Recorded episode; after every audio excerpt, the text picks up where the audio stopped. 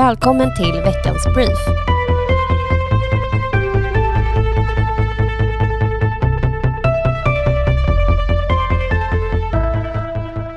Nu ska barn från 12 års ålder vaccineras. Någonting som är glädjande för finansregionrådet Irene Svenonius som tidigt var ute i frågan. Den 19 augusti sa finansregionrådet till Svenska Dagbladet att hon gärna ser att barn mellan 12 till 15 år vaccineras för att minska smittspridningen i skolorna.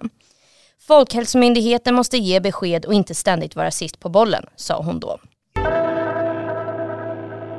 Finansborgarrådet Anna-Karin Hjelmyd tillsammans med partiledare Ulf Kristersson och Moderaternas miljöpolitiska talesperson Jessica Rosenkrantz med flera skriver på DN Debatt om en ny klimatpolitik producerad av Sveriges gröna höger.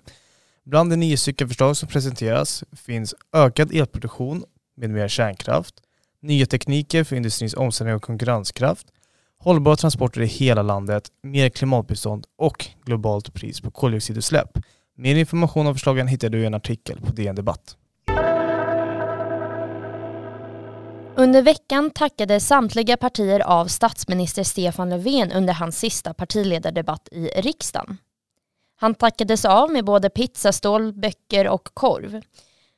Av Moderaternas partiledare Ulf Kristersson fick Stefan Löfven biljetter till London för att höra och se ABBA. Så när vi andra här inne åker till Almedalen i juli nästa år och njuter av ännu en intensiv valrörelse så tänkte jag att du och Ulla ska åka till London och se och höra Abbas nya album och nya konsert, ABBA The Voyage. Här är biljetterna.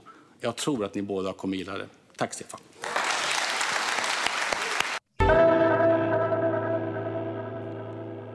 I helgen var det ett år kvar till valet. Ulf Kristersson höll sitt sensommartal i Strängnäs som ett startskott på valåret.